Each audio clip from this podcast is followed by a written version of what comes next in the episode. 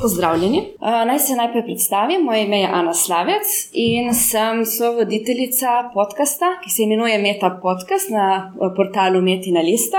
Poleg tega, da sem sovoditeljica tega podcasta, sem tudi avtorica tega zbornika, ki smo ga razdelili po stolih. In uh, vsi, ki ste prišli, lahko vzamete en uh, izvod. To je brezplačna publikacija, ki smo jo izdali decembra 2016 in v njej je predstavljenih 70 mladih slovenskih znanstvenikov in znanstvenic z različnih področji znanosti. Štiri izmed njih danes sedijo tukaj z mano. To so Tara Nanut, Marijana Milkovič, Sara Može in Aljoša Boljev. Um, za začetek bi mogoče, ker za tiste, ki niste brali knjige in jih ne poznate, bi vsakega od vas prosila, če samo na kratko poveste, kje trenutno delate in s čim se ukvarjate. Uh, Tara bi začela. Ja, jaz sem Tara Nut, sem fizičarka, torej slovenska oblika eh, poklica fizik, kako čudno se to sliši, fizičarka. Eh, ukvarjam se z eksperimentalno fiziko osnovnih delcev, doktorirala sem na fakulteti za matematiko in fiziko v Ljubljani. Zdaj, trenutno sem pa postdoktorska raziskovalka na Zvezdni politehnički univerzi v Švici. Marijana? Jaz sem Marijana Milkovič, italijanistka. Po študiju v Ljubljani sem se odpravila v Benetke, ker sem doktorirala. Trenutno sodelujem pogodbeno z Univerzo v Benetkah, ukvarjam se pa z leksikografijo in s povezavo jezikoslovja in neurologije. Tako ti dve področji nekako. Sara? Moje ime je Sara Može. Um, študirala sem v Ljubljani na filozofski fakulteti, doktorirala sem na oddelku za anglistiko in sicer iz računalniške leksikografije. Trenutno sem zaposlena na raziskovalnem inštitutu za obdelavo jezikov in informacij Univerze v Wolverhamptonu v Veliki Britaniji. Um, ukvarjam se z raziskovanjem in sicer um, s, pove, po, s povezavo med pomenom in jezikom in zgradnjo slovarjev, predvsem angliških slovarjev in sem vodja magistrskega študija iz korpusnega jezikoslovja protokol na univerzi v Wolverhamptonu. Aljoša? Sem Joša Bolje, doktoriral sem na fakulteti za kemijo in kemijsko tehnologijo v Ljubljani. Um, trenutno sem zaposlen na kemijskem inštitutu, ker imam svoj postdoktorski projekt, v katerem se ukvarjam uh, s pripravo železovih kompleksov za polimerizacijo. Zdaj, poleg tega, da ste vsi štiri avtori prispevkov v tem zborniku, nas v bistvu vse, vseh pet nas povezuje še ena stvar in to je, da smo nekdani dijaki gimnazije Koper. A je še to kdo v publiki, ki je nekdani dijak gimnazije Koper? Ne. A je kdo, ki je trenutni dijak? Ni. No, bojo potem mogoče. Se učijo. Izpitno obdobje. Ja, zakaj smo organizirali dogodek v takem času? Poleg tega, da je obletnica knjige, je en razlog tudi, da so dve, ne vem, kar tri izmed gosti so v tujini. Um, to je za tak čas praznikov, ko so pač ljudje iz tujine vrnejo domov, pa je bilo tako najbolj praktično, da v takem času organiziram. Ja, kot sem omenila, vsi smo nekdani dijaki, pa če se zdaj vrnemo v tisto obdobje, ko še nismo vedeli, kam bomo se upisali naprej na študij kaj bomo študirali. Um, ste ta, kako ste se zdaj odločili za prav to smer, in ali ste vedeli, da boste nekoč znanstveniki? Um, jaz mislim, da če bi vprašali moje sošolce iz srednje šole, po mojem, niti je, da ne bi, ne bi ugibal, da bom šla na fiziko. Ne, ja, Aljoša, tudi. no, še to, v bistvu, Aljoša in Tara sta bila celo sošolce. En izmed oseb, ki se verjetno najbolj iz, iz, iz tako na tako šla. Ja, jaz mislim, da če bi vprašali moje sošolce, bi verjetno zmagala kakšna primerjalna književnost ali pa ja. kakšni jeziki. Ja. Samo enkrat sem pišel, pisal boljše sevdnje, več razmere. Za meni je vedno kako. Samo no. fizika mislim, da ti je bila tako dokaj brez veze. Ja, jaz pa fizike na maturi nisem imela. Čisto. Nisi, čisto malo, no, ne, ne, ne, ne, ne, ne. Zakaj potem ta odločitev za študij fizike? Vse to po eni strani je malo žalostno. Jaz resnici v osnovni in srednji šoli, če pogledam, koliko let sem imela fiziko, sem menjala več profesorjev za fiziko, kot sem imela fizike. Tako da dosti je bilo tudi takih menjav sredi leta in nažalost je tako, da redko kdo od teh profesorjev bi znal v tako kratkem času spodbuditi neko zanimanje. Zdaj, nažalost je res tako, da predvsem v srednji šoli lahko profesori zelo, zelo vplivajo vplivajo na to, kaj, kaj je nek predmet nekomu všeč, nekemu dijaku všeč, in potem se, ko se mora odločiti, da bo to šel študirati. Meni, iskreno povedano, meni je zelo pomagalo, da do tretjega letnika nisem marala fizike, da je nisem rabila vzeti na maturi, da je nisem rabila med četrtim letnikom. In eno leto, ko se od tega odmakneš, ne, ko pozabiš na vse profesore, vse stvari, to ono tretje, kar nisi maral, tam lahko nekako začutiš stvar kot samo in rečeš, da dobro, se je to še kar zanimivo samo po sebi. Ne. Sploh ni tako slabo, kot se mi zdelo takrat, ko v srednji šoli, ko je bilo treba delati tiste stvari, ki mi niso bile všeč. Tako da meni je pomagalo to, da eno leto nisem imela fizike, ker če bi se jaz morala odločiti po tretjem letniku srednje šole, ni šans, ne bi tega zbrala, pa Torej torej, ne tudi- obžalujem. Torej, sploh. tudi fizike nisi imela na maturi. Ne, sploh ne, jaz sem na maturi filozofijo in angliščino kot izbirna predmeta. No, zanimivo. Kaj pa, Marjana, kaj pa v bistvu pri tebi, uh, zdaj je v bistvu drugačno področje kot fizika, študira, da si italijanščina? Italijanščina. A si to od vedno? Ne, sem bila pa celo gimnazijo prepričana, šla študirati fiziko. pač to mi je šlo zelo dobro, dobila sem vedno priznanje na državnih tekmovanjih. Potem sem šla na informativni dan na fakulteto za matematiko in fiziko in so me prepričali, naj se ne upišem tja. Drugače, drugo področje, ki mi je bilo vedno zelo všeč, je bila italijanska književnost. In književnost sama po sebi se mi ni zdela tako zelo spodbudna, kar se tiče zaposlitve za prihodnost, ko sem se odločila malo bolj za splošno za italijanščino in za jezikoslovje, tudi zaradi pač prihodnosti. Si malo književnosti, pa je, ker se v bistvu pa z italijansko dramo. Ja, no, nekaj književnosti seveda je. Ja. Zdaj, podobno, isto podobno, nekako sorodno področje, zdaj to je področje humanistike, uh, tvoje tudi, v bistvu znotraj jezikoslovja, ne nek specifičen jezik, ampak prevajalstvo. Ja, tako. Ali je to nekaj, kar si v bistvu že v gimnaziji vedela? Ne, tudi- ne, sploh ne mislim, da vsi pač v gimnaziju razmišljamo dosti o tem, kaj nam leži in kaj nas zanima. In na koncu se odločimo, ja, na podlagi tega, ampak samo delno. Tudi vedno vzamemo v obzir to, ali bomo dejansko dobili na koncu službo. Jaz sem vedela, da meni jeziki ležijo, da me zelo zanimajo, pomen v jeziku, vem, prevodne ustreznice in to. To me je vedno zelo zanimalo in skušala sem najti študij, ki bo združeval tako pač to, kar mi leži, kot tudi možnosti za zaposlitev. Takrat nam je bilo rečeno na informativnem dnevu, da prevajalce rabijo v Sloveniji, tako da se mi je zdelo, da to je pač tak perspektivni študij, ki mi omogoča prihodnost. Tako da bo to neka pragmatična odločitev. Je bila pragmatična in pač v povezavi s tem, kar mi je tudi šlo kar me je zanimalo. Tako da Mm. 50-50 na nek način. Ne. Kaj pa Aljoša? Hmm, ja, dobro.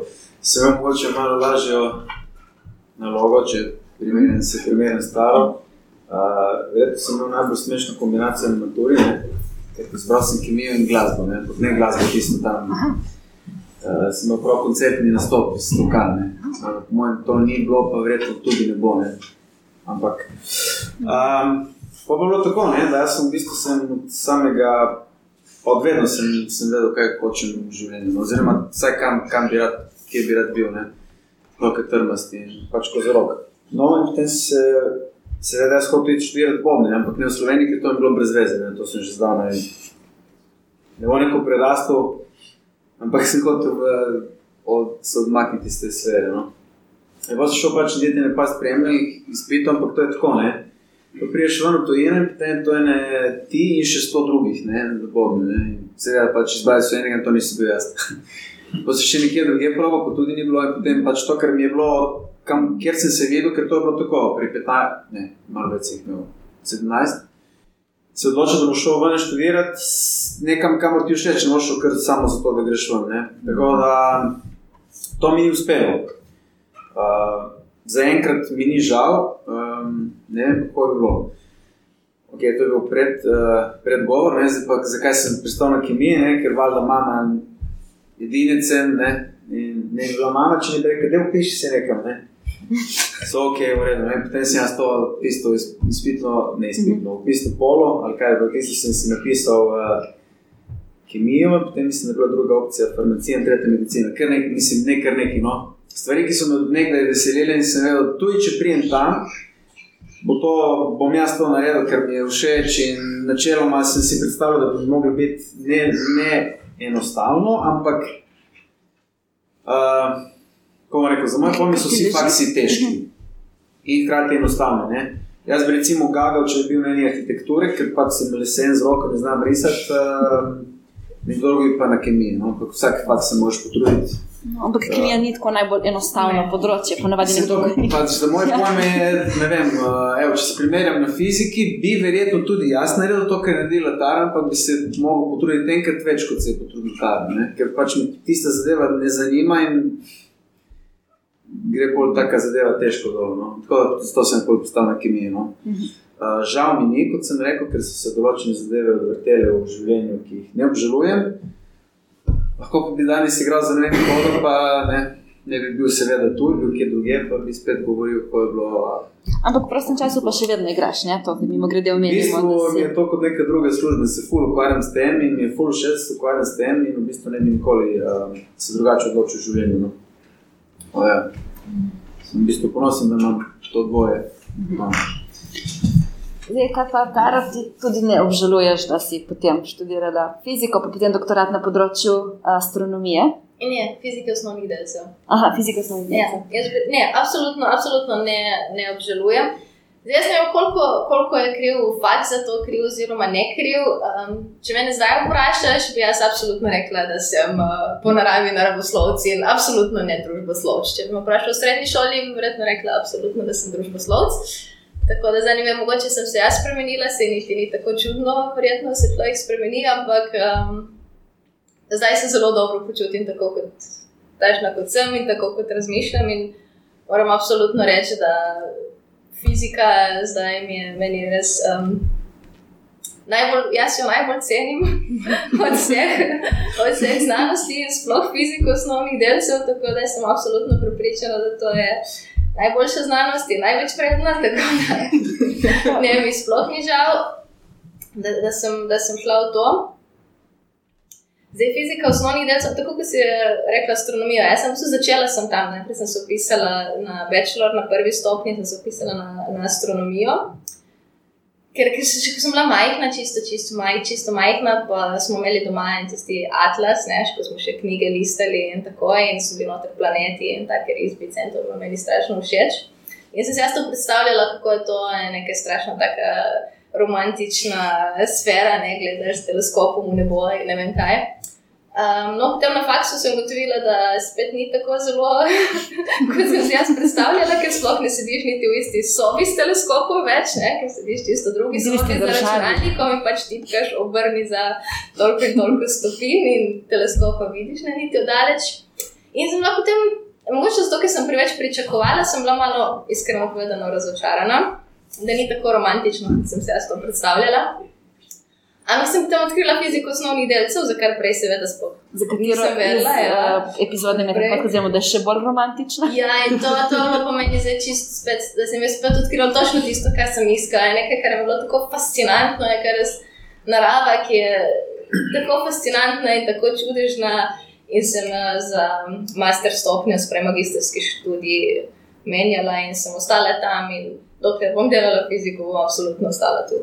Kaj pa odločitev za doktorat um, je bila, v bistvu, kdaj si se recimo odločila po magistrskem študiju ali že? Um, čisto se spomnim trenutka, jaz sem sedela za računalnikom v laboratoriju na Štefanu, sem delala za svoj magistrski projekt, pa je prišel mimo profesor in je rekel, "E, če je bila ti tu mlada raziskovalka, jaz se boš prijavila na razpis. Pa sem rekla, a ja, ok, lahko. Ni, ni, ni, ni nekaj to, kar bi že v bistvu prej razmišljala in se odločila, in imela neko željo. Um, kako rekla, mogoče sem bila malo premalo ambiciozna, meni se to zdelo, uf, ne, raziskovalci, doktori, mladi raziskovalci, to je uf, samo za tiste strašno najboljše, najbolj zagnane. Glede na to, da sem se vse, kot pravim, bolj odločila zadnji moment, ne, a bom šla na fiziko, se pravi, to je bilo po koncu gimnazije, odločitev poletja. Isto, da bom šla potem na delce, sem tudi prešaltala v bistvu sredi študija, tako da se nisem štela med tiste, zdaj, ki so res celo življenje vedeli, da to je tisto, kar jaz hočem početi. Okay? Meni ni bilo, ni bilo odvedno to jasno, tako da mogoče sem bila malo rezervirana, sem zelo, kaj pa vem, mogoče to bi si mogla že leči od vrca pa delati na tem. Ampak no, nekako je šlo, je šlo skozi, da um, je situacija pač drugačna. Kot bi si mislil, mogoče ne najbolj, v najboljši smeri v Sloveniji glede tega. Čeprav zdaj Slovenija je tudi članica CERN-a. Ja, Od, eh, končno. To, od- to, to sem si ja. zaželela v meta podkastu na koncu, ko so vprašali, ne, kaj si se je- želiš. se je Sem rekla uresničilo. samo, da bi bili končno članice, ena je v meta podkastu resničuje. Od, od kdaj? Od lani, ne? Ali od predlani? Ha, to, je, to, je, to dolga zgodba. Ne vem, če smo tako, kako, kako zdaj naj povem, da bomo politično korektni. Um, načeloma to pač po- postopki malo trajajo. Ne, ker postopki malo trajajo, bi se postopki lahko zaključili tam nekje v marcu, ne, ampak so potem smo uradno postali člani z 1. julijem, v drugo polovico leta, ker se pač 2017. plačuje članarina na polovico Aha. leta. Pustimo pri tem. Treba optimizirati stroške. Kaj pa, Marjana, pri tebi je ta odločitev o doktoratu, kdaj si se odločila? Med študijem že V bistvu, že ko sem majhna, sem govorila, da jaz bom imela doktorat. Aha, iz fizike. Ne, ne vem še iz česa. Sam sem na to kar pozabila za naslednjih 20 let. Ko so me vprašali v vrtu, kaj bom, ko bom velika, se reče, da bom švedska kraljica. To se mi ni šlo. Ampak dobro, v redu, malo obraz je tako gor. Ena moja prijateljica je govorila, da ona bo rezala mortadelo v trgovini. Zdaj pa ugledna pravnica. tako da. No, pa sem za 20 let pozabila na te svoje ideje, na kar so enkrat po diplomi, mi je nekaj mi je manjkalo in sem razmišljala, da bi šla tudi v to smer. Začela sem raziskovati med italijanskimi univerzami, katera bi bila zanimiva, s katerimi področji se ukvarjajo. Takrat sem našla tri, Beneška prva razpisala sprijemne izpite med temi tremi, tako da sem pristala tam. Pa še blizu je. Ja, pa še blizu je, a to je seveda prednost. Ne? Um, Sara, ti si bila mlada raziskovalka iz gospodarstva. Ja, v bistvu, v bistvu je bilo tako. Jaz sem v tretjem letniku faksa na prevajalstvu. Uh, sem se v bistvu javila na razpis za študentsko delo na inštitutu Jožef Štefan, odsek za tehnologije znanja. In v bistvu šlo je za projekte, nacionalne projekte in pozneje evropske projekte. Tako da tam sem se v bistvu seznanila z raziskovalnim delom. Jaz sem Vedno sem malo razmišljala o doktoratu, ampak s tem se je to v bistvu še bolj potrdilo, ker se mi zdi, ko enkrat začneš res praktično upravljati uh, to raziskovalno delo, se ti določene stvari v glavi res poveže. Ah, zato je to tako, ah, to je tisto, kar smo se učili toliko let na faksu. In neko, nekako samo po sebi umevno se mi je zdelo, da bom šla potem doktorat. In v bistvu prvi potem, ko sem imela zagovor diplome, sem se upisala v doktorat. Mhm. na To je bilo v bistvu podjetje Amebis. Um, v bistvu, mlada raziskovalka v gospodarstvu sem postala v drugem letniku doktorata, ko sem se pač prijavila na razpis in um, sem bila tudi izbrana. Takrat sem bila edina z, z področja humanistike, ki je bila Torej, v izbrana bistvu- za mlado raziskovalko v gospodarstvu. ne Prvo leto pa v bistvu si bila zaposlena na projektu. Na projektu prek študentskega dela, tako sem delovala na teh evropskih projektih, petletni Mhm. evropski projekt za slovenske tehnologije, jezikovne tehnologije. Pa Aljoša, pri tebi ta odločitev za doktorat. Ja. Um, imel sem plan, ne, seveda, da bom med poletjem bil doma na morju, končal izpite in potem pač v absolventu naredil diplomo. Ne, nič tega se ni zgodilo.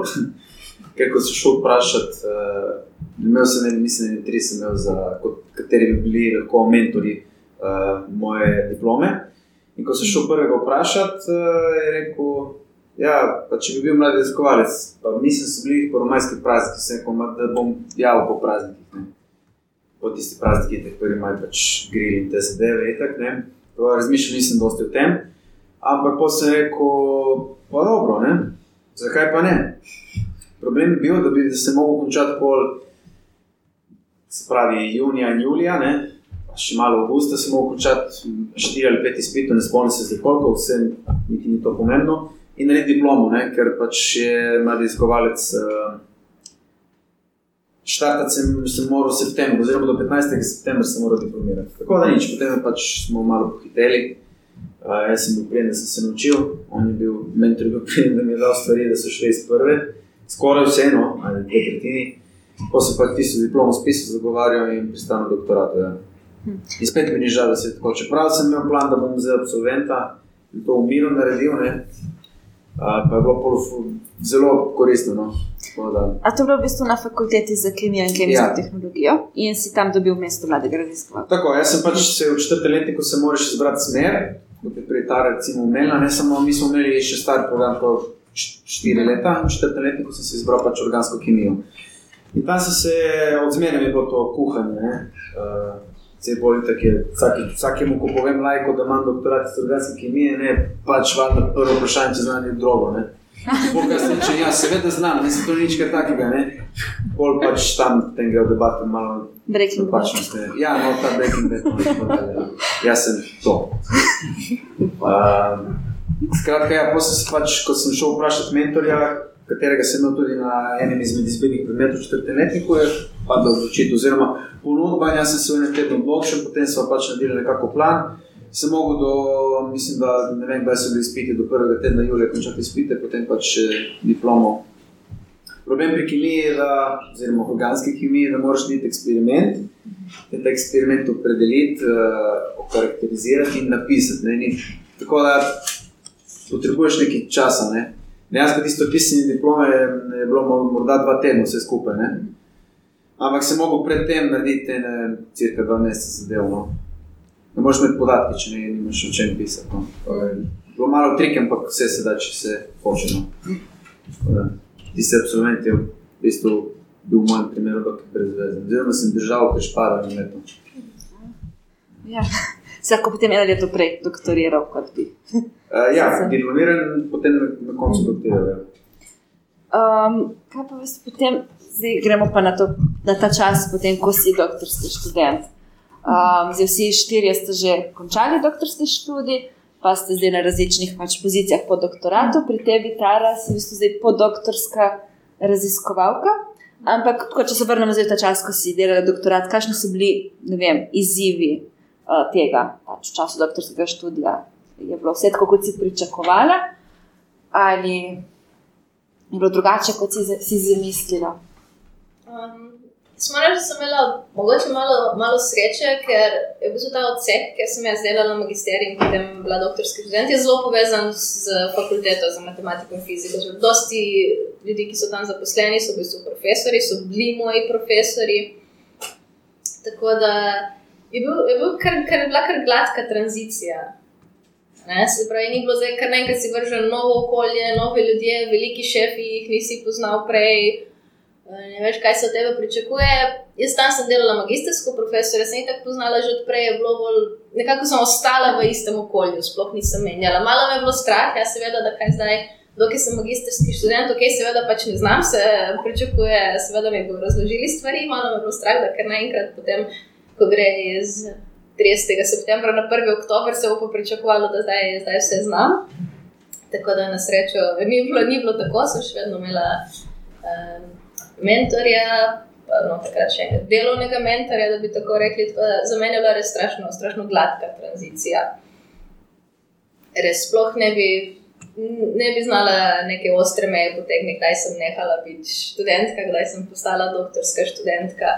Je šlo res tako gladko v smer iz, iz, ja, iz podpore mentorja na to, da potem vedno več delaš sam in na neki točki potem ugotoviš, da ti samo še rečejo, ok, naredi to pa to, pa ne vprašaš kako, ampak nekako sam pogruntaš, kako boš to naredil. In je bilo res, res, gladka, res gladka tranzicija za mene in zato sem zelo hvaležna, ker um, nisem imela, po mojem, dosti takih izkušenj v življenju, ki bi me res uh, vrgli v vodo in plavaj, tako da nisem, nisem uh, najbolj tak fajter na tem področju, imam rajši um, lepo take gladke tranzicije, da se da, lahko pričakujem, kaj in kako bo šlo, tako da sem imela res srečo, da me je tako lepo počasi uvedlo in sem se počasi gradila. Zdaj, pri Marijani je bilo to pa čisto drugače, ker si šla pa v tujino. V, Ja, jaz sem pa dal čisto drugačno Ja. okolje, drugačen sistem. Pa Italijani jih niso znani po neki sistematičnosti, potem, da bi ti zadeve predstavljali, ampak tako sproti ugotavljaš, pa malo na hodniku zveš nekaj, na stopnišču nekaj drugega. Tako da, ja, kar se tiče sistema, je bilo na začetku dosti tega spoznavanja. Je pa še študij naravnan tako, da imaš vsake tri mesece v bistvu nekakšen delni zagovor tvojega raziskovalnega dela pred kolegijem docentov. Tako da mi smo začeli 15. septembra, konec novembra sem jaz imela že ta prvi zagovor, ko sem mogla povedati, kaj sem naredila do zdaj za svojo dizertacijo in za svoje, svojem raziskovalnem delu. Na začetku je bilo kar stresno, ampak enkrat, ko spoznaš sistem, spoznaš ljudi, veš, na koga se lahko obrneš. Uh, Institucija, kako funkcionirajo, vse je pa dosti lažje. No. Pa si bila v bistvu edina na tem programu iz tujine, ker si predstavljala, da večina ljudi, ki dela doktorat iz italijanščine. Uh, v bistvu je bil še en francos, Aha. drugi so pa bili italijani. Ma Beneška univerza precej tujih študentov, ampak večinoma na programih kot je ekonomija. Tako da prav italijanščina je pa res specifika, da je večina italijanov. Tudi na sprejemnih izpitih nas je bilo približno 40 od tega smo bili samo tri, ne italijani. Pa potem je bilo v bistvu to tako med študijem, da je predstavljalo problem, da nisi, oziroma ne vem, predstavljalo, da nisi native italijan speaker. Ne, nisem native italijan speaker. Je bilo to potem, da je pri doktorskem študiju težava? Ja, na začetku se je recimo zgodilo, da sem prišla na kakšno predavanje.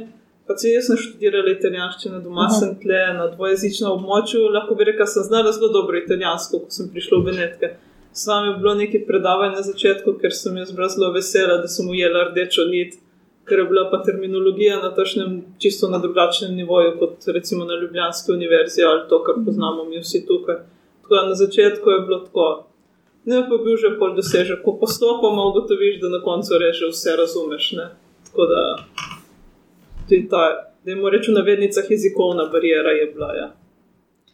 Uh, Sara, ti si pa v bistvu študirala v um, doktorski študiji, ki si naredila v Sloveniji na filozofski fakulteti, ker si tudi diplomirala. Kakšna je bila pri tebi ta tranzicija? Um, predvsej ne boleče, v bistvu. sem imela kar precej sreče. Čeprav sem v bistvu do diplomski študij dokončala na oddelku za prevajalstvo, sem potem prešaltala na oddelek za anglistiko, ni, mislim, ni bilo boleče, ni bilo boleče tranzicija. Morda tudi zato, ker sem imela veliko tudi podporo uh, pri mojih sodelavcih in pri uh, koordinatorjih uh, teh evropskih projektov. Eden od ta glavnih koordinatorjev evropskega projekta Sporozumevanje v slovenščini je potem tudi postal moj mentor na Medisu, ne? tako da sem imela vedno tudi to podporo.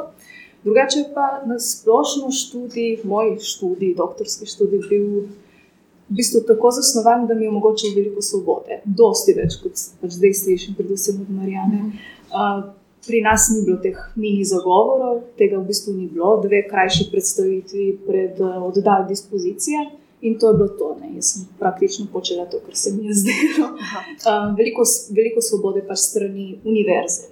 Uh, potem, seveda, ko postaneš mladi raziskovalec v gospodarstvu, je potem tisti del malo drugačen, ko moraš dejansko oddajati časovnice in dokazovati, da si vsak mesec oddelal določeno število ur na projektih in delal tudi na svoji dizertaciji. Ampak si, v bistvu, ker si delala za neko podjetje, si tudi morala v bistvu nekaj v bistvu delati na drugih projektih. Ja, ja, v bistvu del tega uh, je bilo delo na raziskovalnih projektih, ki so bili sicer povezani s tem, kar sem izpočela, ampak ne 100%. Tako da del svojih kurs sem posvetila pač raziskovanju uh, v povezavi z mojim doktoratom in del uri šlo pač. Uh, Delo, delo na projektu. Uh -huh. Tako da, v bistvu si imela na koncu za doktorat dovolj časa. Ker... Ja, absolutno, ker sem vsak teden, dva do tri dni lahko delala pač na svojem doktoratu. Uh -huh. Absolutno. Aljoša, pri tebi ti si bil mladi raziskovalec? Ja, recimo, delno je bilo tako, kot pri Tari, da sem v bistvu v četrtem letniku že bil v okolju, v katerem sem potem samo nadaljeval. Uh, je pa res, da je bilo to se zgodilo v roku treh mesecev, tako da po drugi strani sem, sem imel kratek čas za spoznati ljudi, uh, predvsem take banalne stvari, kot priješ zjutraj, pa v bistvu štiri tehničarke, ne pa vsaka. Svoji sobi pije kavo ali pa nečekom, proti moraš najti tisto, ko je dobre volje, da ti da topila, ne, da lahko poročam. To so resnični zgodbi.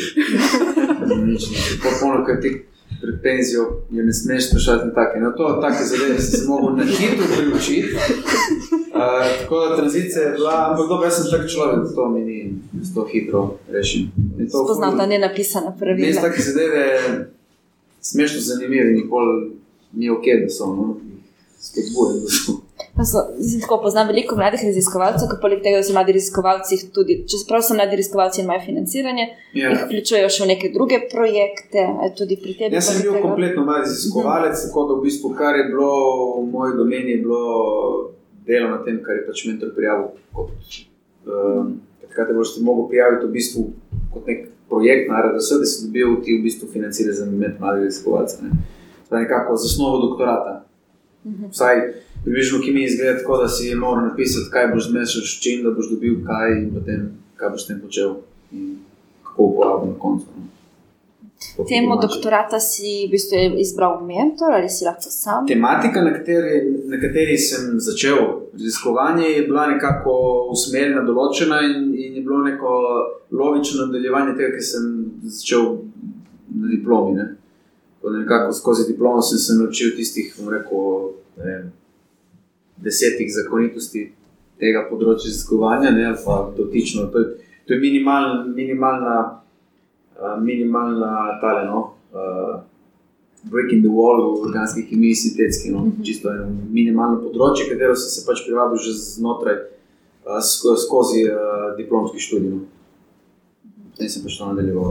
Sara, ti imaš, da si tudi sama kako, lahko izbrala temo? Ja, absolutno. Tudi pri meni je bilo v bistvu nadaljevanje tega, kar sem delala že prej, v bistvu nadgradnja, ampak jaz sem čisto isto izbrala, glede na to, kar sem pač brala literature v tistem času. Tako Kot, kot sama tema, mislim, da si jo moral šele v drugem letniku prijaviti. Prav, kot Ja. tako. Nekatere fakultete imajo prvi letnik, v nekatere prvem drugi. letniku. Ja, se pravi, ko se zadeva že precej izoblikovala, seveda sem pač v teh dveh letih Mhm. po svoje malo zapeljal zgodbo. Ne? In So se določene stvari odprle, ene so se pač niso odprle, oziroma zaprle, in tako naprej. To je tista, tista tema, ki jo uradno prijaviš. Ne? Drugače, tematika, pa je v bistvu srč zgodbe, je bil že na diplomi. Ja, jaz se spomnim, še v času doktorskega študija je kar nekaj mojih sošolcev in sošolk na doktorskem študiju imeli težave s tem, da so morali dispozicijo že tako v prvem letniku oddati, ker je prezgodaj, dosti krat. Ja, ker človek še ne Ja. prebere literature. Kaj Ja. pa vidve, Tara in Verjana, vidve ste tudi lahko sami izbrali temo? Pri nas je bilo precej usmerjeno, no znotraj tega si pač lahko pol ti malo potegnil na svojo stran, ne, ampak kar se tiče tistih osnovnih usmeritev oddelka, si vedel, kam si prišel in na čem lahko delaš. Ne. Drugače, mi smo pa mogli že takoj na začetku in oddati dispozicijo, prijaviti temo, tako da se takoj začne delati uh, praktično na tem raziskovalnem delu. Tara, pri Ja, tebi? eh, ne, pri nas nismo mogli zbirati, ampak to je tudi mogoče malo povezano z naravo dela, ker eksperimentalna fizika osnovnih delcev je kolaborativne narave. Se pravi, nikoli ne delaš samo, ampak delaš v neki kolaboraciji, kjer je nekaj sto do nekaj tisoč ljudi. In nikoli ne delaš sam, ti delaš z podatki kolaboracije, se pravi, vsak, mer- vsaka stvar mora kolaboracijo odobriti. Se pravi, no, okay, že tvoj mentor bo zbral nekaj, kar je dobro za kolaboracijo, seveda ne nekaj, kar je konkurenčna meritev, nekaj, kar uh, lahko narediš v doglednem času, ker seveda mora cela kolaboracija profitirati od tega, kar boš ti naredil. Se pravi, je, nimaš tako prostih rok glede tega, ker pač um, delaš v zelo veliki skupini ljudi. Pri tebi je bila ta kolaboracija na japonskem, bel Ja, kolaborator. A, kako to, da potem uh, za podoktorski študij nisi nadaljevala na uh, japonskem? V bistvu ravno zaradi tega, eh, ker sem to delala za magisterij, oziroma delala sem za magisterij in za doktorat, in za doktorat isto. In vsaj meni, meni se je zdelo, da je zdaj torej skrajni čas, da zamenjam. Torej, ne da zamenjam temo, ampak da zamenjam eksperiment. Da pač fiziki osnovnih delcev je tako, je pač nekaj konkurenčnih, oziroma konkurenčnih ali komplementarnih eksperimentov po svetu. Eni, eni delajo različne stvari, ok, še vedno je to fizika osnovnih delcev, ampak z različnimi mašinami, različnimi pospeševalniki, različne teme. Zdaj, meni se je zdelo, da zdaj, moj, moj pristop je bil tak, da ja, če sem zdaj delala in magisterij in doktorat na eni strani, je zdaj res skrajni čas, da zamenjam, ker se mi zdi, da, da tako mora biti. V bistvu zato, da gremo naprej, je dobro, da se na vsake toliko ljudje premešajo. Tudi se mi zdi, da dlje kot bi ostala, težje bi bilo zamenjati. Ne, se pravi, zdaj, če bi ostala še, še po, doktorsk, po, do- po doktorsko usposabljanje na tem Bell in Bell 2, se mi zdi, potem bi bila že toliko nov, bi imela že tako specifična znanja. Si tudi dosti više, ne? ko iščeš naslednjo pozicijo, to spet više pozicija, se že več pričakuje od tebe, že težje menjati. Ne. Se mi zdi res koristno na tej stopni, da se malo premešamo med sabo, da v bistvu prenašamo ta znanja. Da v bistvu se, se mi zdi, da je dobro za polje, za področje znanosti, da se malo premešamo, malo menjamo. Jaz, recimo, sem konkretno obdržala, kako bi rekli, temo, se pravi flavor physics oziroma fizika okusov, če tako rečemo. Ampak sem pa menjala kolaboracijo, ki dela na, drugačni, dru, na zelo drugačni mašini. Da tako rečemo. ne. Spravi dva zelo, zelo različna pristopa, dva, dva zelo različna pospeševalnika. Hočeš delati isto vsebino, ampak jo moraš delati na popolnoma drugačen, drugačen način. Ne. Zdaj, v bistvu, sem štiri mesece tam, pa mi je še vedno strašno fascinantno, ko spoznavam, da ko misliš, da so vsi utečeni postopki, da to tako gre, ne gre tako, ne, čisto drugače, moraš čisto drugačne pristope, čisto drugačne pristope uporabiti, za v bistvu delati vsebinsko iste stvari. Tako da sem v bistvu menjala ravno zaradi tega, da sem menjala. Se mi zdi, da je to pač potrebno na neki točki, če hočeš največ potegniti in iz sebe, da širiš svoje znanje, in pa tudi najbolj koristiš področje. Je bilo težko dobiti pozicijo v Švici za pozdok, kako si v bistvu izvedela za to možnost? Um, jaz sem v bistvu imela tole inštitucijo že malo nagledano, nagledano prej. Sem imela res srečo, da so objavili mesto, takrat, ko so ga ravno par mesecev predno sem jaz doktorirala. Zdaj, kako težko je dobiti pozicijo, se težko rečem, ker jaz sem jo še kar hitro dobila, v bistvu prijavila sem se na dve. Skupno, na prvo sem, sem pač prišla na to, da sem bila rezervni kandidat, se pravi drugo mesto, to drugo sem pa že dobila. Tako da jaz bi rekla, mogoče da je bilo lahko, ampak mi je potem še profesor, eh, ko sem jo dobila, mi je še profesor na, na Štefanu rekel, veš ti povem po pravici, ja, jaz sem kar dolgo, da potem je uspelo to dobiti. Mogoče, mogoče ne, ni bilo tako lahko, kot sem si jaz mislila, da je težko reči. Ne, ne bojo mi še povedali, kako težko ali kako lahko je bilo. Je sicer res, da um, zdaj je kasneje prišla na eno drugo delovno mesto uh, v Švici. Ena, ena kolegica ona mi je povedala, da je bila tudi ona um, v izboru za to mesto med ožjimi štirimi, pa potem ni dobila. Tako da očitno nekaj kandidatov je že bilo, nismo bili samo mi. Pa, da je težko reči, no, meni je uspelo v drugo. In to si zdaj v bistvu tam uh, zadnji tri, tri mesece. Štiri mesece Štiri. septembra. Mhm. In kako si bilo v bistvu tam klopiti to novo delovno okolje?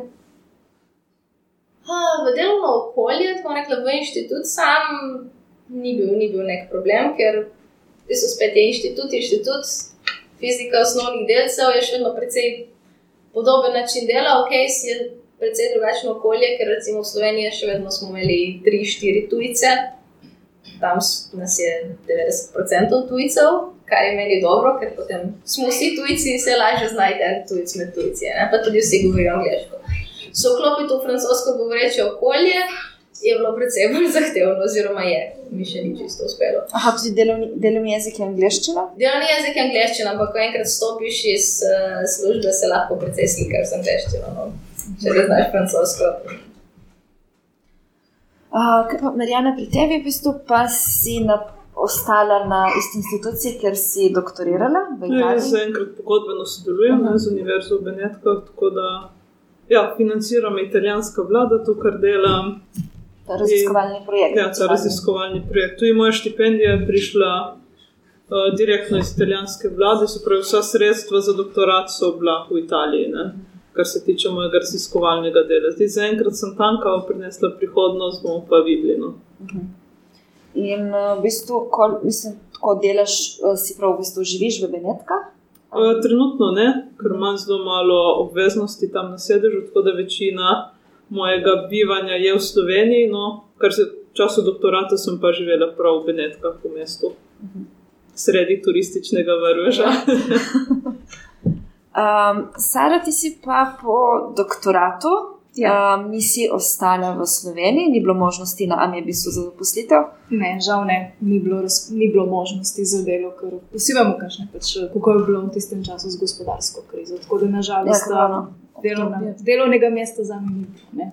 Um, jaz sem se začela potem prijavljati na razpise že v tujino, ker pač v Sloveniji ni bilo ničesar za me. In slučajno sem se prijavila na razpis za part-time delo v Angliji, um, na Univerzi v Wolverhamptonu. Uh -huh. In tudi dobila. Aha, taj, to je bil razpis za delo na projektu? Ali? Ja, to je, bilo, je bil razpis za delo na projektu za 8 mesecev. Uh, prijavila sem se, čeprav sem bila prepričana, da ne bom dobila, približno 97%. No. Ampak no, na koncu so me dejansko povabili na intervju in na preizkušnjo, torej dali so nam naloge, ki smo jih mogli praviti v eni uri, in na podlagi tega so meni izbrali kar je bil šok. Ali je bilo to v bistvu edino delo v tujini, na katerega si se prijavila? Ne, ni bilo edino delo v tujini, prijavila sem se še na eno, dve drugi deli, ampak nažalost um, mi niso potem uh, dali na seznam pač, uh, intervjujencev. Uh mhm. -huh. Tudi ta dela niso bile čisto v skladu s tem, kar sem spočela za doktorati v Malu, zaradi tega pa se mi je pač zdelo smiselno vseeno se prijaviti, tudi zaradi izkušnje prijave na delo. Koliko let si zdaj že v Wolverhamptonu? Tri leta in pol. Leta in pol. Tako da niti slovensko ne znam več govoriti.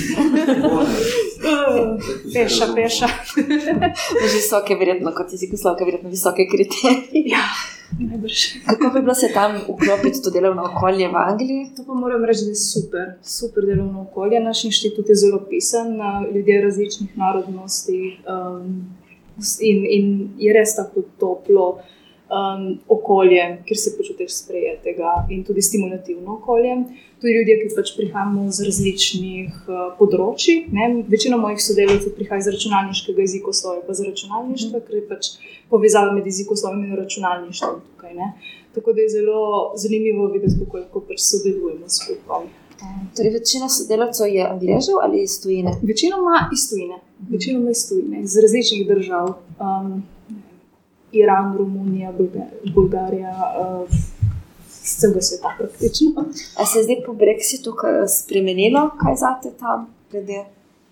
Um, za zdaj ne, mislim, verjetno zaradi tega, ker so pač angliške univerze še zmeraj pač znane po tej svoji odprtosti, je zelo tako okolje, ker se počutiš sprejetega. Ne? Jaz živim malo v enem, kot se temu reče, bablu, ker si vedno pač okrog ljudi, ki so tebi podobni. In, uh, ljudje, ki te sprejemajo za takšne reakcije. Nisem imela nobenih negativnih izkušenj, moram reči.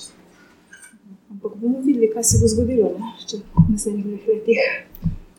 Ali uh, še ti si po doktoratu tudi na podoktorskem študiju v Nemčiji, če se ne motim? Um, v bistvu tako je bilo. Jaz sem bil že med doktoratom v Nemčiji.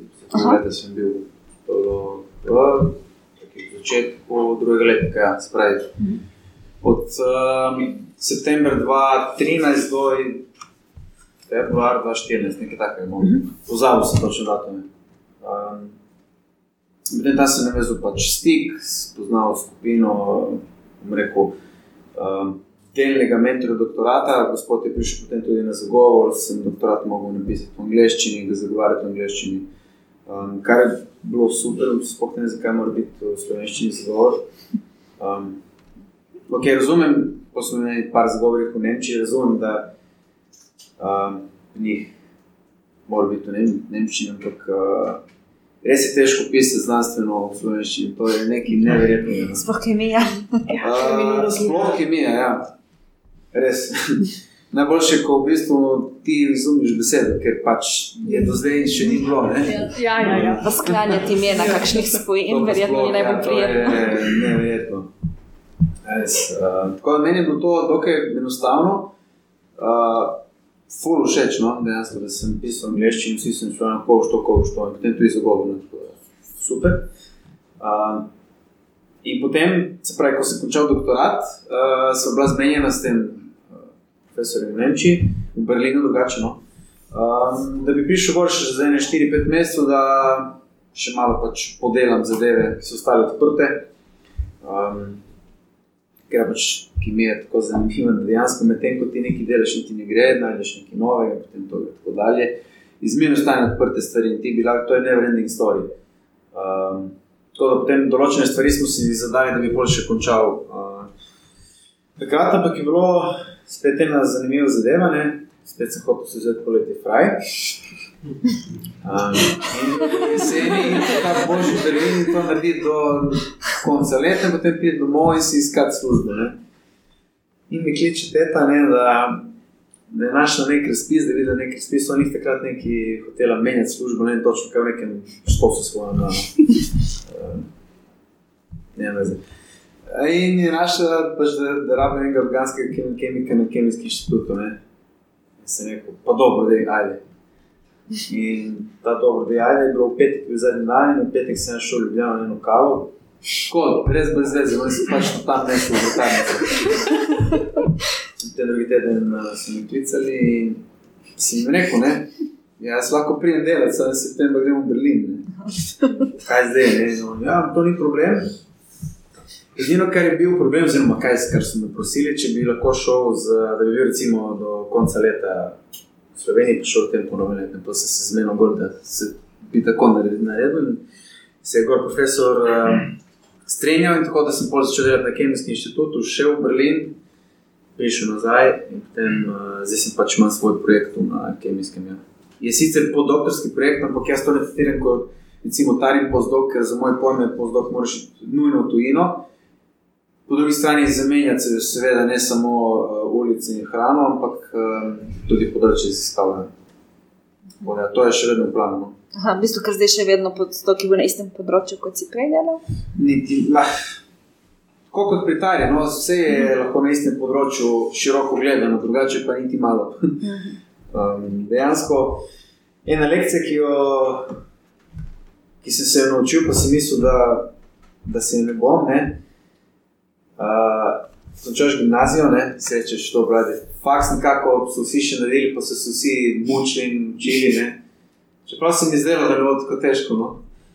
Pa res ni bilo, ne. Zato, ker polno doktorat je petkrat težje. Ne. Končaš doktorat je desetkrat težje. In Vsakič, ko pač premakneš uh, svojo lastno uh, stopničko po tej lojtri gor, ne, pač vedno težje. Ne. Tako da v bistvu se vsakič vedno bolj učiš. Ker pred, ne vem, če si, če, sem, če si to omenila, pa se mi zdi, da ja. Uh, vedno bolj postaješ samostojen, ne? vedno bolj si ti ta šef, ne? ta uh, gazda svojega, uh, svojega jaza. No? Mentor je ful pomemben za začetek. Za konec pa je v bistvu si prepuščen večinoma samim sebi. No? Stari da- se strinjate, da je tako, da se. Da je zelo pomembno, mislim, da si sam. Tako dejansko delam, delam skoraj iste stvari, pa v bistvu jih sploh ne delam iste. Ne? In Ni isto, kot je bilo prej. No? V bistvu se, se moraš spet naučiti nekaj novega. Kakšni so pa zdaj plani za prihodnost, Tara? Dokdaj imaš ta postdok v Lovzani? Um, za tri leta, mogoče štiri. Tako da gledam, to sem šele začela, zdaj ne, imam še tri leta zagotovljeno, za več kot tri leta naprej planirati. Se mi še ne zdi strašno smiselno, no, ker vemo, koliko se svet obrne v treh letih in tudi koliko se ljudje obrnejo v treh letih. To lahko samo po sebi povem, kot sem rekla, kolikokrat sem jaz obrnila. Eh, lahko zdaj mislim, da vem, kaj bom čez tri leta, ampak puščam čisto odprto možnost, da se bom vrnila še enkrat. Tako Tako da bomo še kakšno leto, dve, ne bom delala na nekih fiksnih planov. Ne. Mislim, zaenkrat mi še ful daje domotožje, tako da če me zdaj vprašajo, Bi se je vrnil. rekla, spakiram kovčke in prijem domov, seveda, prva stvar, takoj ko končam. ne. To je francoščina. A to si zdaj v bistvu prvič doma, potem, kar si šla? Ja. Mhm. Ja. Um, Marijana, v bistvu si sicer zelo blizu, ampak tujini, ampak Ja. se v prihodnosti vidiš še naprej v Benetkah? Ali... Ja, jaz upam, da ja. mi je všeč tako delovno okolje, kot tudi okolje za živeti v Benetkah. No. Kljub turistom. Kljub turistom, ja, enkrat, ko spoznaš mesto, se ogneš tistim glavnim ulicam, eh, vsem tistim gručam, najdeš lepe kotičke. To je zdaj, ko peljem kakšne prijatelje v Benetkah, pa so bili tu že desetkrat tam in rečejo, hej, taki Benetki jaz še nisem videl, ker greš po tistih delih, ki res niso obljudeni, ko so kakšne take posebne lepe stvari, ki jih turisti pač ne poznajo. In vse te spletne strani, deset stvari, ki jih moraš videti v Benetkah, te desetih ni noter. Ne? Tako da, Kot bi rekla, ta romantično. ja, romantično mesto. Um, kaj pa razmišljaš, ne vem, da bi kdaj imela pozicijo, ki je v Ljubljani? Uh, mislim, da to te, ne teoretično, ne praktično, verjetno ni možno. No? mislim, tako, kar se tiče humanistike, je zelo malo mest v Sloveniji. In če se nisi takoj po diplomi vključil v ta svet, je potem res zelo malo možnosti. Tako da jaz nekako vidim, da če bom ostala v znanosti, bom verjetno v tujini. Pa če so to benetke ali kaj drugega, pač ne vem. Kaj pa ne vem, med Koprom in Benetkami je še trst, da je tam mm. mogoče kakšna možnost za italijaniste. Ne vem, ter sem kar malo preskočila. Približno. Um, Sara, v bistvu, kje se vidiš zdaj naprej, še naprej na Wolverhamptonu ali se oziraš kaj na krog? To je res težko vprašanje. Trenutno še v Wolverhamptonu, uh, vsako leto mi podaljšujejo pogodbo in tudi trenutno se pač odpirajo nove možnosti, uh, tudi kar se tiče razvoja mojega profesionalnega profila. Ne. Tudi Anglija pač ponuja možnosti za razvoj, nadaljni razvoj, od dodatnega izobraževanja do možnosti, da postaneš res vodja v svojem. Tako da za zdaj jaz mislim, da bom ostala v Wolverhamptonu. No. Uh -huh. Sem se tudi že kar navadila na to mestec, tako da mi ni tako grozno. Ampak na neki novi poziciji, ki pa še vedno na univerzi. Trenutno v bistvu od letos sem eh, vodja magistrskega programa, ne, eh, kar je v bistvu velika stopnička naprej za mene. Tudi Um, poučuješ? Ja, od letos nekaj malega poučujem in pač sem koordinator tega novega programa, ki sem ga jaz v bistvu kreditirala, tako da zdaj se stvari tudi v tej smeri malo razvijajo, tako da je kar, kar fajn. To sem vas v bistvu vse pozabila vprašati, ker v bistvu sama ne Mhm. učim, pa samo raziskujem. Ostali trije ste tudi kaj učili? Mhm. Aha, ste. Ali še tudi? Ja. Aha, Mislim, ste učili in Če v ste smislu bolj mentoriral Mhm. uh, delo v laboratoriju. Ampak kot asistent pri kakšnem predmetu? Se, se pravi, da sem Aha. večinoma časa preživel s študenti v laboratoriju. Pač narava dela je taka, oziroma je bila Aha, ampak to v nekih manjših skupinah, ne v predavanju. Ja, ja, ja. predavanje. Ne, ne, to ne. Kaj pa v bistvu vidite? Tudi Eh, so. Pri nas je pač tako bilo ustaljeno, da smo doktorski študenti, to je nekakšni so mentori pri diplomskih nalogah in pomagamo to nadzirati, pa spremljamo diplomante. No, in tu je kakšno samostojno predavanje tukaj tam, ker eh, sploh kar se tiče teh podiplomskih študijev v Italiji, je tako, da se program oblikuje vsako leto sproti, glede na kakšni so trenutno projekti na oddelku, in potem se tudi seminarji oblikujejo glede na to, in pač vedno smo tudi mi vabljeni, da tam predavamo. In pa seveda tudi spremljanje do diplomskih študentov. In ta pri tebi podobno, se. Jaz sem bil že med tem, ko sem bila doktorski študent, sem bila asistent na fakulteti za matematiko in fiziko, sem v bistvu učila fiziko na drugem letniku matematike, oziroma sem bila asistent. Tako da sem že tam imela, tam sem imela tri leta več izkušnje, vem, pred tablo pa razred študentov. Zdaj, ko sem pa pač na univerzi zaposlena, dejansko je to tako tako del obveznosti. Načeloma 20% mojih obveznosti je poučevanje, ker sem zaposlena na univerzi. Zdaj, prvi semester sem imela v bistvu dva študenta na posebnem laboratorijskem uh, kurzu, ne, se pravi, v bistvu smo imeli en, en projekt v laboratoriju, pa sem imela fokusirano na dva študenta, zdaj kam, kaj bi imela naslednji semester, pa še ni čisto odločeno, tako da, tako da v bistvu ne vem. Je možno, da dobim tudi enega svojega študenta, se pravi magistrskega študenta ali kaj podobnega, ali pa kaj drugega. Ne vem, ampak nekaj, nekaj zagotovo bo. Tako da sem že dve, dve različne stvari dala skozi poučevanje eh, v razredu, pred polno študenti ali pa bolj delo individualno, ne, sprej nek laboratorijski projekt. Tako da, no, če dobimo še en magistrski projekt, uh, zakaj pa ne, ne, nekaj novega vedno. Um, ali još od tebe v bistvu še nisem vprašala Ja. glede te prihodnosti, ki se vidiš še naprej na Kemijskem inštitutu? Bom najprej še dodal Ja, ja. uh, tole, glede mentoriranja. Recimo, moja ena zanimiva izkušnja je bila, ko sem bil v Berlinu. Je prišla ena iz Srbije, mislim, da Srbija. Um, na magistrski študij, pač in moraš tam iti uh, za kemijo, oziroma za tisto, za tisto področje, ki je ona študirala. Uh, mislim, cirka en mesec ali mesec in pol kot neki praksa, ne rečejo internship. In me tako vprašal, mentor, če bi pač zaradi narave jezika uh, se bo Hrvaško nekako obvladal, tako da mi ni bilo panike in seveda pač si umel. In tako da dejansko jo pol v navednicah pazil v laboratoriju, ne, delala na mesto meni. To je bil nekako tak. Um, pri meni, mislim, taki organski kemiji sintezni izgleda mentoriranje tako, no, bolj kot uh, razlaganje pred tablom. Ja, mi imamo tudi dosti tega. Enkrat sem bila na Kemijskem inštitutu, imela sem intervju za, za pač podcast. Um, pa je v bistvu um, ta intervjuvenka mi rekla, da so določene naprave, ki jih pred doktorat. Dokler ne doktoriraš, ne smeš uporabljati, so samo za pozdoke, tudi pri zdaj- oddelku. Tako. Ne, ne, nima veze, imaš doktorat ali ne. Seveda, vsaka naprava ima svoje zakonitosti in moraš iti nekam neko uvajanje. In recimo temu, moraš vedeti, kaj delaš napravo. Nekako tako kot vozniški spitev. Višja kategorija. Ja, pač, uh, upravljanje z napravo seveda je zelo pomembno. To do, za, poz, za, rezerviranje za pozdoke, uh, ne vem, verjetno obstaja tudi to, ne bi se čudil. No. Verjetno kakšna specifika, ki pač uh, je neko temu, nekako zaščitena z namenom, ne, da se ne pokvari. Oziroma, da, ker seveda ne. Pozdokov je manj kot doktorantov, je manj kot uh, magistrantov, je manj kot uh, diplomantov. Pač, manj ko jih je, manj ljudi uporablja in bolj se pazi, in več časa traja. Da, Če je neka taka specifika, ne bi se čudil, če je nekaj.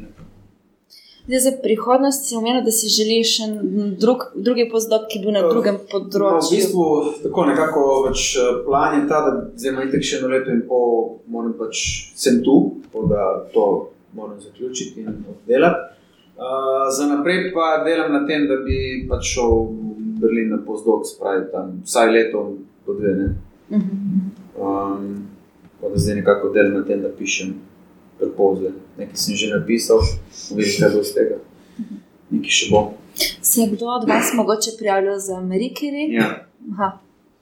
ki sem pač oddal letos. Uh, sem tudi lani oddal, pa sem za malo zgrešil, pač to je nekaj procentov, ko grem mimo. Ja, to je najbolj kompetitiven, verjetno. Ja. Ampak dobro, po drugi strani se, se naučiš veliko iz tega. No? Da Ni bil uh, čas vržen pročno. Podredil sem še enkrat, sem se mogel spremeniti, ker sem določene zadeve. Jih bom že zdaj naredil, potem ne moreš delati iste stvari, ne, nima smisla. To. Tako da sem mogel malo spremeniti, pa da videli, kaj bo letos. No, fetek še lahko še naslednje leto ukorim za to. Imam čas. Ja, um, jaz imam zdaj sicer še nekaj vprašanj, ampak preden nadaljujem, bi mogoče ponudila publiki možnost, če publika želi karkoli vprašati. Če ima kdo kakšno vprašanje? Če ne bom jaz postavila še eno, pa mogoče se potem bo kdo pogumil iz publike. Um, ja, moje vprašanje je tako, zdaj pač sicer tukaj danes ni dijakov, ampak mogoče kdo to pač bo, ko bo ta posnetek poslušali. Če imate kakšen nasvet za nekoga, ki se od, odloča za doktorski študij, kaj bi mu povedali, kaj um, že neko nasvet, priporočilo, tako, karkoli bi nekomu, ki razmišlja ali bi šel na doktorat, um, rekli, ali bi mu to uh, priporočili ali ne. Je to neka tara? Hm. Okay. Jaz bi rekla, da predvsem naj se naj, naj dejansko razmislijo, kaj, kaj jim to pomeni. Ne? Zdaj, pač zaradi denarja tega ne greš delati. Ne? Bodimo realni, zaradi denarja tega ne greš delati.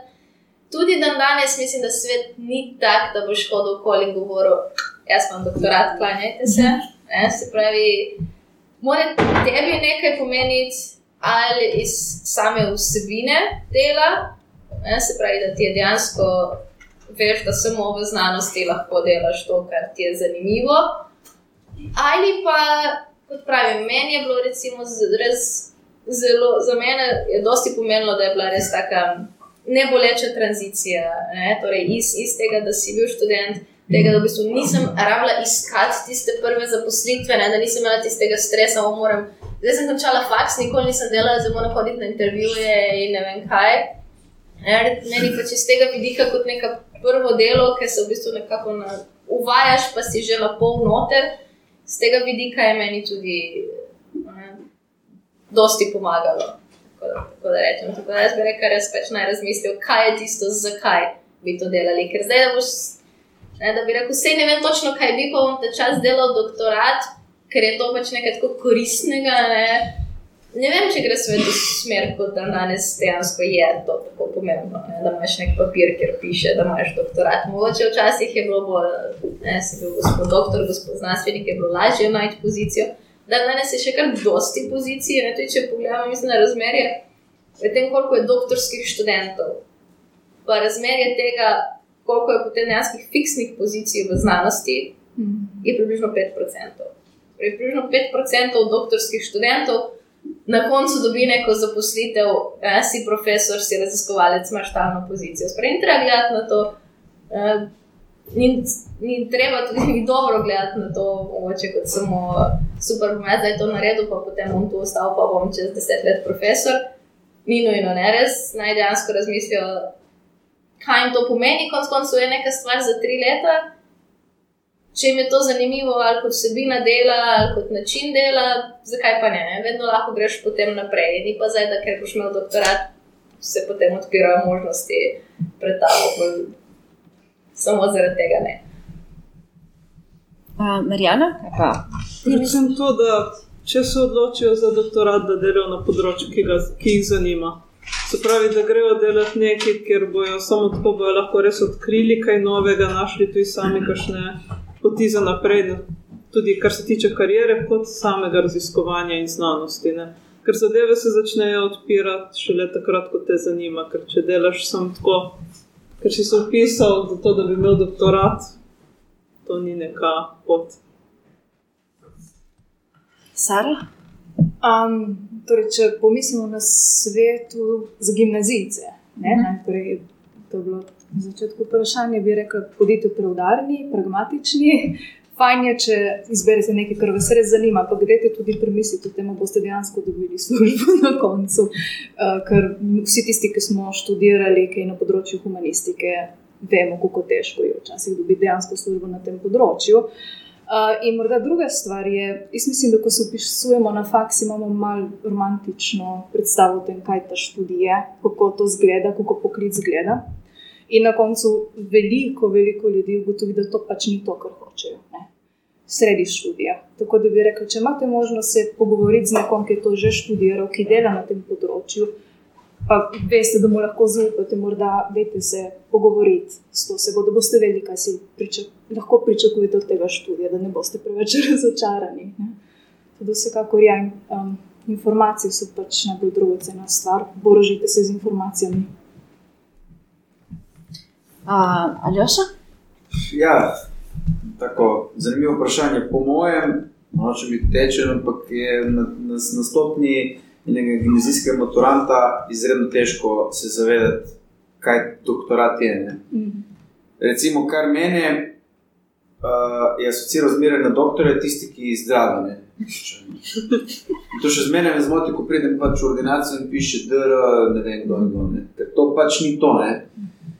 tisto je na koncu. Ja. No, je to bilo za začetek. No? Profesor tudi. Uh, jaz sem zase, da doktorat sem delal prvo zase, za Ljošo in potem za vse ostale, ne? najprej mnogo te starše in tako dalje. Ne? Ampak če ne bi bilo meni všeč, če ne bi jaz hotel to biti, ne bi tam tri leta in pol delal, kar sem. Ne? Tako da mislim, da to je res ena od tistih zadev v življenju, približno tako recimo kot, uh, jaz zdaj da vam dober primer, ki jih prihajajo zimske olimpijske igre osvojiti uh, zlato kolajno. Ne? Recimo, evo, Ilka Štukec, ki se je kar poškodovala. Ne? Ona je verjetno vsaj od lanske sezone, ko je bila dobra, ne? je vse usmerila v to. Ne? In ona je hotela to biti, ne? ni jo zanimalo noben sponzor, nič. Ne? To je pač res tisto tvoje osebno. Uh, jaz mislim, da doktorat je na nekem tem nivoju. Ne? To res delaš primarno zase. Če se upišeš doktorat, zato da boš imel doktorat, da boš Zdaj si še nikoli, razen ko sem bukiral pakat, uh, hotel sem dal odpred, ampak to samo za štos. Drugače, meni to ful moti, me sem ful, uh, kako bi rekel temu, me je sram v bistvu. No? Se... Če sem. Da, da ne vem, da bi mi pisal, da vam piše, da je nekaj to, potem si zamisel nekega starega gospoda, ki že 50 let dela za sebe v mizo. Ne, ne, si še vedno dobro. Ampak tako je. Ko poveš, kaj si delal, je pač šlo zgodbo odpreno. torej, ko te ne, nekdo ja. po, po imenu ne naziva, doktor, ali še bolje ne rečeš nazaj, please call me doktor. ja, nekako tako. No. Ampak ja, um, Pa mogoče še to, no, včasih, jaz nisem nikoli, recimo, ne vem zakaj, no, v bistvu razmišljal, kot recimo si stara povedala. Ne, Mm. uh, pet dni nekaj študira, doš pol delo. Ne.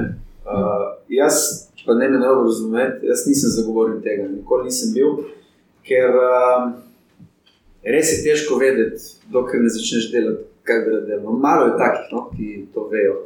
Ampak če pomislim na sebe, ta je res še boljši primer. Ne? Uh, ker jo poznam, ker vem to. Ne? Ne vem, ne, ma ne bi stavil enega evra na te noči. Uh, se pravi, ta tranzicija, ki je ona uspela, uspela no, ki se ti je pač zgodila. Ne, um, tako da, ja, ne vem. Ja, doktorat je eno fajn zadeva. No. Ampak opažam, Moram reči, vedno vsem nam zgodilo v življenju in super, da se je. No. Ampak opažam mogoče pa tudi tako neko razliko po področjih, ne, da na nekaterih kemija je eno področje, ko verjetno je lažje dobiti. Ja, to je res. Ja. Ampak recimo, sploh nisem razmišljal o tem, da sem, ko sem se upisal na kemijo, uh, wow, ki je dobro, imel službo štiri leta. Ne? ne, res niti enkrat nisem pomislil na to. Prvič, ko sem pomislil, je bilo, ko sem šel tista zgodba, preko sem povedal, ko sem razmišljal, kako bom zdaj to diplomiral, ne? vse kako je absolvent. Mogoče že kaj študentsko delo, ne? potem tam mogoče bom naprej se zaposlil in to. ne. Skratka, jaz nisem vedel do tistega maja, da bom delal doktorat, da bom enkrat doktor uh, kemije. Nikoli nisem ti pomislil na to, ne. sploh po gimnaziji, čisto sem bil unfocused.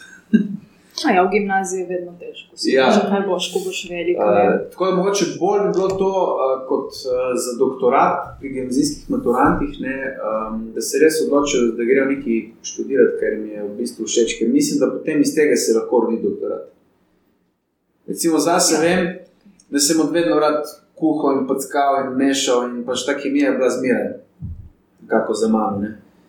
In uh, recimo imel sem, imel sem tudi na voljo, oziroma takrat, ko sem, pač, sem hodil v glasbeno srednjo in sem imel glasbo polno maturi, sem imel in fiziko in kemijo, ampak ne moreš imeti vseh predmetov. Ne. In pa sem riskiral fiziko, ker mi je bila manj všeč kot kemija. Ampak nekako uh, to mi je bilo res zmeraj všeč. No, in verjetno tudi zaradi tega sem pisal na doktoratu in doktoriral, drugače po mojem ne bi no, tega. Imaš še kdo kakšno repliko na karkoli tega, kar smo se zdaj na koncu pogovarjali? Um, kaj pa publika, kakšno vprašanje? Ja. Tara je dala jasno vedeti, da se kar strinjam, da je zbrala so ta naj, naj, najboljše področje. ne. Kaj pa ostali trije, če bi zdaj lahko na nek način imeli enak nivo znanja in položaj in vse na katerem koli drugem področju, bi izbrali isto področje, ki ga imate, ali bi se zdaj premaknili po nekem čudežnem. Bi kdo? Da se že komunisti recimo postali naravoslovci ali obratno, vem, da ne bojo. No, jaz sem Ja. v bistvu skozi cel študij nekako malo pogrešala naravoslovje. Ampak se mi pa to zdaj vrača z raziskovalnim delom, ker kot, eh, tako kot eh, Sara, tudi mi se povezujemo dosti s temi jezikovnimi tehnologijami, Ja. tako da imaš računalništvo, programiranje. In kar smo delali v povezavi z nevrologi, uh, večina konferenc in seminarjev, ki jih zdaj obiščem, smo vsi trije: jezikoslovci, računalničari, nevrologi. Tako da sem v bistvu zelo vesela, da lahko pač te področja povezujem in verjetno tudi v prihodnosti pač ne bo zgolj humanistika, ampak bo povezana z naravoslovjem. No. Ampak še vedno sem zadovoljna, da sem študirala italijanščino in jezikoslovje in pač, da je to moja primarna baza. Ja, jaz se popolnoma strinjam. Ne. Mislim, da jezikoslovje postaja, ze- postaja zelo interdisciplinarno področje. ne. In morda ena od stvari, ki bi jih hotela znati, je programiranje. Ne. Mhm. Ta bolj računalniška plat. To je ena teh stvari, ki bi jih res želela znati. Uh, in ki mislim, da bi bile zelo uporabne za me in za mojo kariero. Ampak, ne, Da bi se še še nekaj jezika. Ja, še ali pa dveh, ali pa treh, ne vem, Python, Perl, pa še kaj zraven. Ampak, ja, ne, ni mi žal, da Ampak sem šel to študirati, ampak, ja, morda dodatna znanja, morda bolj se usmeriti v računalništvo. Ampak od tega, recimo, tebe na oddelku ne zahtevajo, da bi se naučila programirati. Ne, ne zahtevajo, ker to, to ni moja služba, to ni to, kar jaz počnem. Tako kot se pač od mojih sodelavcev ne zahteva, da začnem graditi slovarje in analizirati angliške glagole. ne. Um, tako pač je. Ne. Pri nas pa zahtevajo to, mi moramo biti vsi programerji še zraven. Resno. No, naši magistrski študenti se učijo programiranje. Tudi če so, jih zanima prevajanje. Tako da jih zdaj usmerjamo v to. Andraš, kako bi ti odgovoril na to vprašanje? Dobro, seveda, ne, pač, jaz sem vedno bil naravoslovec, po mojem, že kar sem se rodil. Uh, ena taka zanimiva, kar se mi hodi, skozi hodi po glavi, ko razmišljam, zakaj eh, sem naravoslovec. Je zato, ker po mojem razmišljam predvsem matematično zadeve. Ne? Ena posebna, lahko samo dva, nič drugega. Uh, ker spet ne morem razumeti, družboslovec, ne, lahko je tudi ena in pol, pa tri, pa ne vem, če je malo. Ne. Je drugačen tip razmišljanja. Druga zadeva je, da mi niso bili nikoli všeč, uh, predvsem slovenščina, no, pa zgodovina, pa take zadeve. Ne. To slovenščina je res težek jezik. Bolj kot francoščina. Uh, po mojem, ja. Vsaj, ko primerjam zdaj, recimo, da sem skozi, seveda, italijanščino, itak, angliščino, pa nemščino, ne, res je težko ta slovenščina. No. Kaj, kaj se moraš ti naučiti? Uh, Slovanski jeziki so tako malo. Precej, ja, no, so malo. Uh, tako da jaz ne bi nikoli postal družboslovec. Uh, razen pač, če ja, če če ne bi šel študirati, bi pol neki šel pač delati, pa bi delal. Sem še ne bi delal kot ne razumem. Zato sem predpostavil, da vas to Ja. zanima. Sem že rekel. ne. Pa sem mislil, če bi te mogoče zanimala fizika ali matematika. Zdaj tako je, ja, recimo v fiziki. kemija na vse zadnje. Dobro, v kemiji na splošno, načeloma, moram vse znati delati. Ne? Um, od mene se pričakuje, da sem diplomiral, ne pusti doktorat, ne? to je daleč od tega. Ne? Ampak sem dal skozi vse predmete in načeloma, če vse predmete narediš z neko normalno ceno. In laboratorijske vaje si tako mogo narediti in jih imeti uh, upravljene, s- seveda z oceno, s kolokvijem, bla, bla, in tako dalje. Tako da načeloma bi se znašel tudi v drugem področju kemije. To je, to je bilo problem. Ampak eh, dejstvo je, da me organska kemija od vedno najbolj veselila. Prav to, prav po domače rečeno, kuhanje. No. Eh, Pravi, da je, da ti izliješ nekaj, pa nekaj, pa nekaj ne stane, potem pogledaš, kaj je nastalo, pa to recimo porabiš. ne. Zdaj, fizika, tu bi se tudi našel. No. Me ni nikoli toliko pritegnila, um, še zmeraj bolj kot matematika. No. Um, Še kakšno vprašanje iz publike? Um, zdaj, mogoče, okay, Saro sem to že vprašala, ostale tri pa nisem. Kaj pa ven, recimo iz akademskega sveta, da mislim, z doktoratom pač neko službo, ko ni na raziskovalni instituciji, se kaj takega predstavljali? še jaz? Ja. Okay. Um, jaz sem Tara prej lepo povedala, da uh, doktorat ne greš delati za denar. Pa mislim, da nisi mislila na denar, ki ga zaslužiš kot raziskovalec, ampak potem za naprej. Ne? Tako, Ja. okay. Ja. Iz enega praktičnega razloga lahko povem za, pač za kemijo, kako je, ne, da dejansko potem na vodilnih položajih so bodi si ekonomisti ali pa tisti, ki so imeli eh, diplomo iz kemije, mogoče celo kemijske tehnologije. ne. Um, ampak to zato, ker razmišlja drugače. Ne? Ti si preveč fokusiran na eno minimalno zadevo in ti ne veš, recimo v neki uh, industrijski korporaciji, ne, da ni point v tem, da ti si naredil nekaj novega, ne, point v tem, da je na koncu meseca plus. Ne. Zdaj, kako pride do tega, je pa, pa je naredil tisti, ki ima doktorat. Ne. Ampak uh, dejansko. Jaz, kot sam, uh, imam ambicije se nekoč uh, poskusiti tudi recimo, izven akademskega kroga. ne. Za moj pojem pride verjetno upoštev samo industrija, taka ali onaka. No. Tako da, ja. ni pa to kratkoročni plan. Še malo bi rad podskal. Ja, um, jaz tako, zaenkrat plana nimam iti ven, se pa zavedam, mogoče vedno bolj, da predvsem odkar sem dejansko šla na ta prvi postdok, da je to realna možnost, mogoče za prihodnje. Pa niti ne toliko zato, ker bi rekel, sem, da se naveliča znanosti, ne, absolutno ne zato, ali pa zaradi denarja, tudi mislim, da zato ne, ker če pač imaš rad svoje delo, to odtehta dosti v, v smislu. Ne rajši delam za manjši denar, ne nekaj, kar me res veseli. Kar je tako, kar bi jaz rekla, se sploh nismo dotaknili tega, ampak je velik problem v znanosti, če ostaneš dlje časa v akademskih vodah, je v bistvu trajnost zaposlitve. To so več ali manj zaposlitve za nekaj let in seliš se po celem svetu. Ja. Ne, jaz lahko pa zdaj čisto realno pričakujem vredo. Ne?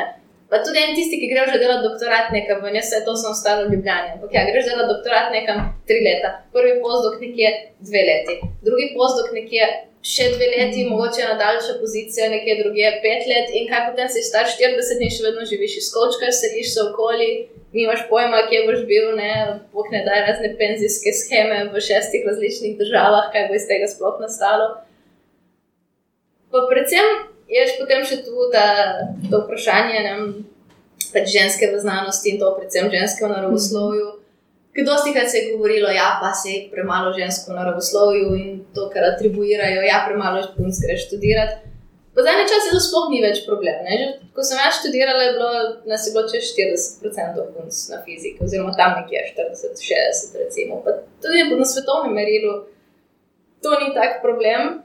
Ne, da bi zdaj tudi ne na stopni, bi se rekel, študija, magistrski, niti na stopni doktorski, pa niti na stopni prvega pozdoktorskega prvega postdoktorskega študija. Največ žensk se zgublja po prvem postdoku v znanosti, ravno zaradi tega, zaradi te narave dela, ker pač so zaposlitve za nekaj let po celem svetu in pač za ženske to težje sprejeti. Če si hočeš neko družino ustvariti, če hočeš pač imeti neko zanesljivost. In to je pač neka točka, kjer se največ žensk v znanosti izgublja po, po prvem pozdoku, ravno zaradi te nezanesljivosti trajanja zaposlitve. Tako da se mi zdi, da če bi, če bi šla iz znanosti, mogoče bi bil to primarni razlog. Pač zdaj vidim, ko sem šla ven, da ni tako fajn, no? ni vse super, sem šel na dopust dva tedna, tu dva tedna tam, ni, ni isto, ko se moči seliti v drugo državo, ko moraš spolnjeva davčne napovedi v francoščini, ni za vama. Francoščina. Uh, Marijana in uh, Sara, bi videli še kaj dodali? To. No, to, kar je začela Tara, ne, se pravi, koliko tvoja znanstvena pot se ujema s tvojo življenjsko potjo, gled, glede na lokacijo. Ne. Zdaj pa, če je tako, da se da v akadems, akademsko sfero to kombinirati je super. Mene posebno niti ne je motilo, če je bilo v gospodarstvu. Pač.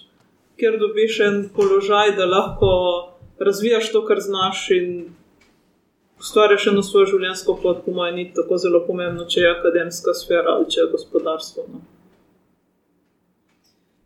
Ne, mislim, jaz, jaz se strinjam, da pač delamo to, kar nas zanima. Tudi meni delo gospodarstva, seveda, mi ne bi bil problem. Jaz sem bila mlada raziskovalka v gospodarstvu, tako da absolutno. Seveda, če imaš um, diplomo, doktorat iz humanistike, je morda v gospodarstvu malo manj možnosti, odvisno od, od diplome. Ampak recimo, vem, da veliko mojih kolegov, ki so specializirali za računalniškega jezika, so jo dobili lažje dobi, recimo, službo v sektorju IT. Tako da za moj pojem je ja, vsekakor bi bila pripravljena delati tudi v gospodarstvu. To, to ni. Se pa strinjam s tabo, kar se reče, glede ženske. Sem trenutno vključena v razvojni program Aurora, ki je v bistvu za ženske na vodilnih položajih. In glavni problem je to pač, da na vodilnih položajih žensk ni. Ne? Tako da ta, ta manjko se kaže očitno v vseh državah. Ja, zelo, zelo smešno in zelo žalostno zgodbo.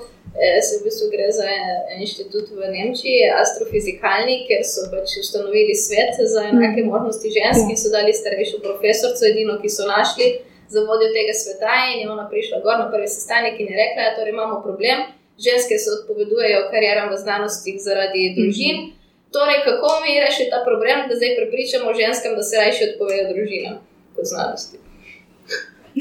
ja.